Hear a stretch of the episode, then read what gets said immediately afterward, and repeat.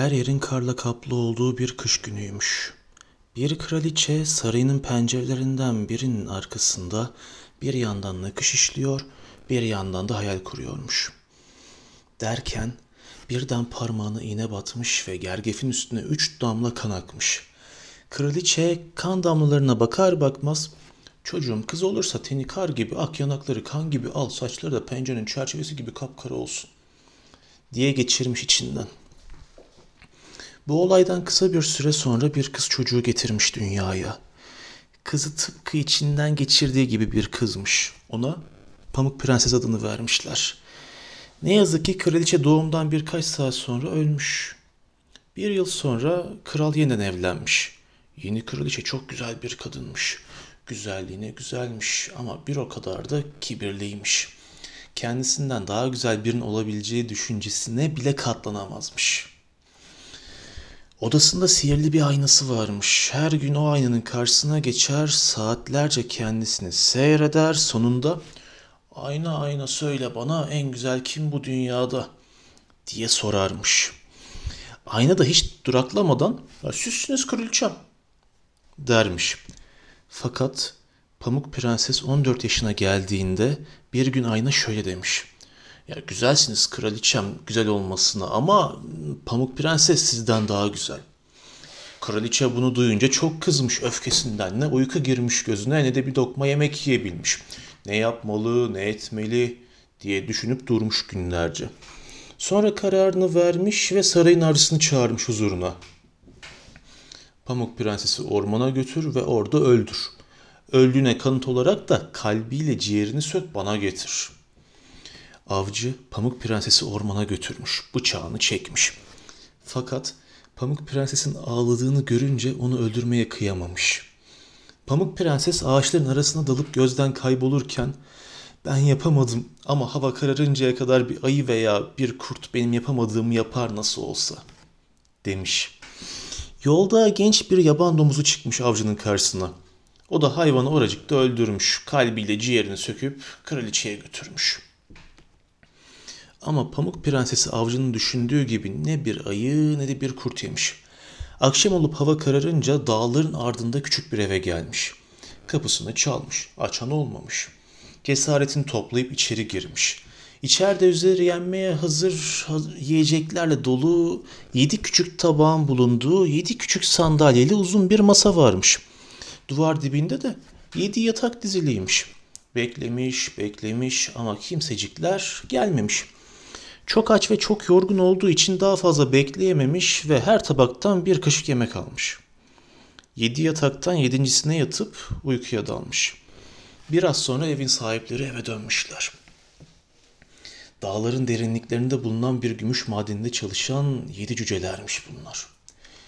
Pamuk Prenses'i görünce ne kadar da güzel bir kız demişler. Sabah olup uyandığında Pamuk Prenses cüceleri görünce önce çok korkmuş. Ama kısa bir süre sonra onlardan bir kötülük gelmeyeceğini, onların çok iyi insanlar olduklarını anlamış. Yedi cüceler Pamuk Prenses'ten evlerini çekip çevirmesini istemişler. O da kabul etmiş. Hoşça kal demişler yedi cüceler işe giderlerken. Kapıyı kimseye açma. Eğer üvey annen burada olduğunu öğrenirse seni tekrar öldürmeye kalkar sonra. Bir gün kraliçe tekrar aynasının karşısına geçmiş. Aynadan şu cevabı alınca suratın aldığı şekli varın siz düşünün artık. Güzelsin kraliçem, buraların en güzeli sizsiniz. Ama ne var ki yüksek dağların ardında cücelerin küçük şirin evindeki pamuk prenses dünyalar güzeli. Bunu duyar duymaz kraliçe hemen kolları sıvamış. Yaşlı bir satıcı kadın kılığına bürünmüş ve elinde içi kurdele dolu bir tablayla doğru, dağlara doğru çıkmış yola. Cücelerin evine varınca kurdelelerim var, harika kurdeleler diye seslenerek kapıyı çalmış. Kimin geldiğine bakmak için pencereye çıkan Pamuk Prenses kurdeleleri görünce içi gitmiş. Ya bunda ne kötülük olabilir ki? diye düşünerek kapıyı açmış. Bunu mu beğendin güzelim? Demiş kraliçe kurdeleyi Pamuk Prenses'in boynuna takarken. Sonra kurdeleyi sıktıkça sıkmış ta ki Pamuk Prenses'in ölü gibi boylu boyunca yere uzanana kadar. O gece yedi cüceler Pamuk Prenses'i o halde bulmuşlar. Kurdeleyi kesmişler ve Pamuk Prensesi hayata dönmüş tekrar. Böylece kraliçenin elinden ikinci kez kurtulmuş Pamuk Prenses. Ertesi sabah kraliçe aynanın karşısına geçmiş yeniden. Aynadan Pamuk Prenses'in hala yaşadığı haberini alır almaz hemen kılık değiştirmiş ve bir kez daha dağların yolunu tutmuş. Taraklarım var, harika taraklar diye seslenmiş cücelerin evinin kapısında. Pamuk Prenses siyaşlı kadının elinde tuttuğu taraf tarağı görünce başına gelenleri unutuvermiş. Açmış kapıyı. Saçların ne güzel bırak ben tarayayım demiş kraliçe. Ama tarak zehirliymiş. Başına değer değmez Pamuk Prenses ölü gibi yere uzanmış. O gece yedi cüceler saçından tarağı almışlar ve Pamuk Prenses yeniden hayata dönmüş. Böylece kraliçenin elinden üçüncü kez kurtulmuş Pamuk Prenses. Ertesi gün kraliçe aynanın karşısına geçince Pamuk Prenses'in hala yaşadığını öğrenmiş. Öfkesi burnunda. Bu kez en büyülü iksirini hazırlayıp bir elmanın yarısına sürmüş. Sonra da yaşlı bir dilenci kılığına girip yola koyulmuş. Güzel kuzum o tatlı bir elma benden armağan demiş kraliçeye. Pencereden bakan Pamuk Prenses'e pencereden de verebilirim kapıyı açmana gerek yok. Kötü diye mi almıyorsun yoksa demiş kraliçe. Pamuk Prenses'in karansız olduğunu görünce sonra da zehirsiz tarafından ısırmış ve ya al bak harika diyerek uzatmış. Yanakları gibi al al elmayı Pamuk Prenses'e. Pamuk Prenses elmayı zehirli tarafından ısırır ısırmaz cansız yere uzanmış. Kraliçe pencereden içeri Pamuk Prenses'e bakmış. Nihayet senden kurtuldum artık dünyanın en güzeli benim demiş. Oradan doğruca saraya gitmiş. Ertesi gün aynaya kimin en güzel olduğunu sorunca ayna sizsiniz kraliçem deyince dünyalar onun olmuş. Bu sefer cücelerden hiçbiri Pamuk Prenses'i uyandıramamış ölüm uykusundan. Aradan üç gün geçmiş. Bütün umutlarını kaybetmişler. Fakat nedense Pamuk Prenses hiç de öyle ölü gibi durmuyormuş. O yüzden yedi cüceler onu gömmemişler. Camdan bir tabut içine koymuşlar. Tabutu da yüksek bir tepenin en tepesine yerleştirmişler.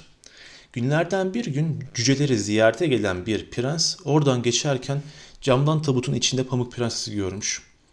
Ve hemen ona aşık olmuş. Onu sarayıma götürmeme izin verin diye yalvarmış prens. Yedi cüceler ona acımışlar ve izin vermişler. Prensin uşakları tabutu kaldırırken Pamuk Prenses'in boğazına takılmış olan zehirli elma parçası pat diye düşmüş ağzından. Pamuk Prenses doğrulmuş, nerede olduğunu anlamadan. Gözünü açmış, yakışıklı prensi karşısında görmüş. Görür görmez ona aşık olmuş. Birkaç hafta sonra nişanlanmışlar. Derken düğün günü gelip çatmış. Düğüne çağrılanlar arasında Pamuk Prenses'in üvey annesi de varmış. Üvey annesi sarayın salonuna girer girmez Pamuk Prenses'i tanımış.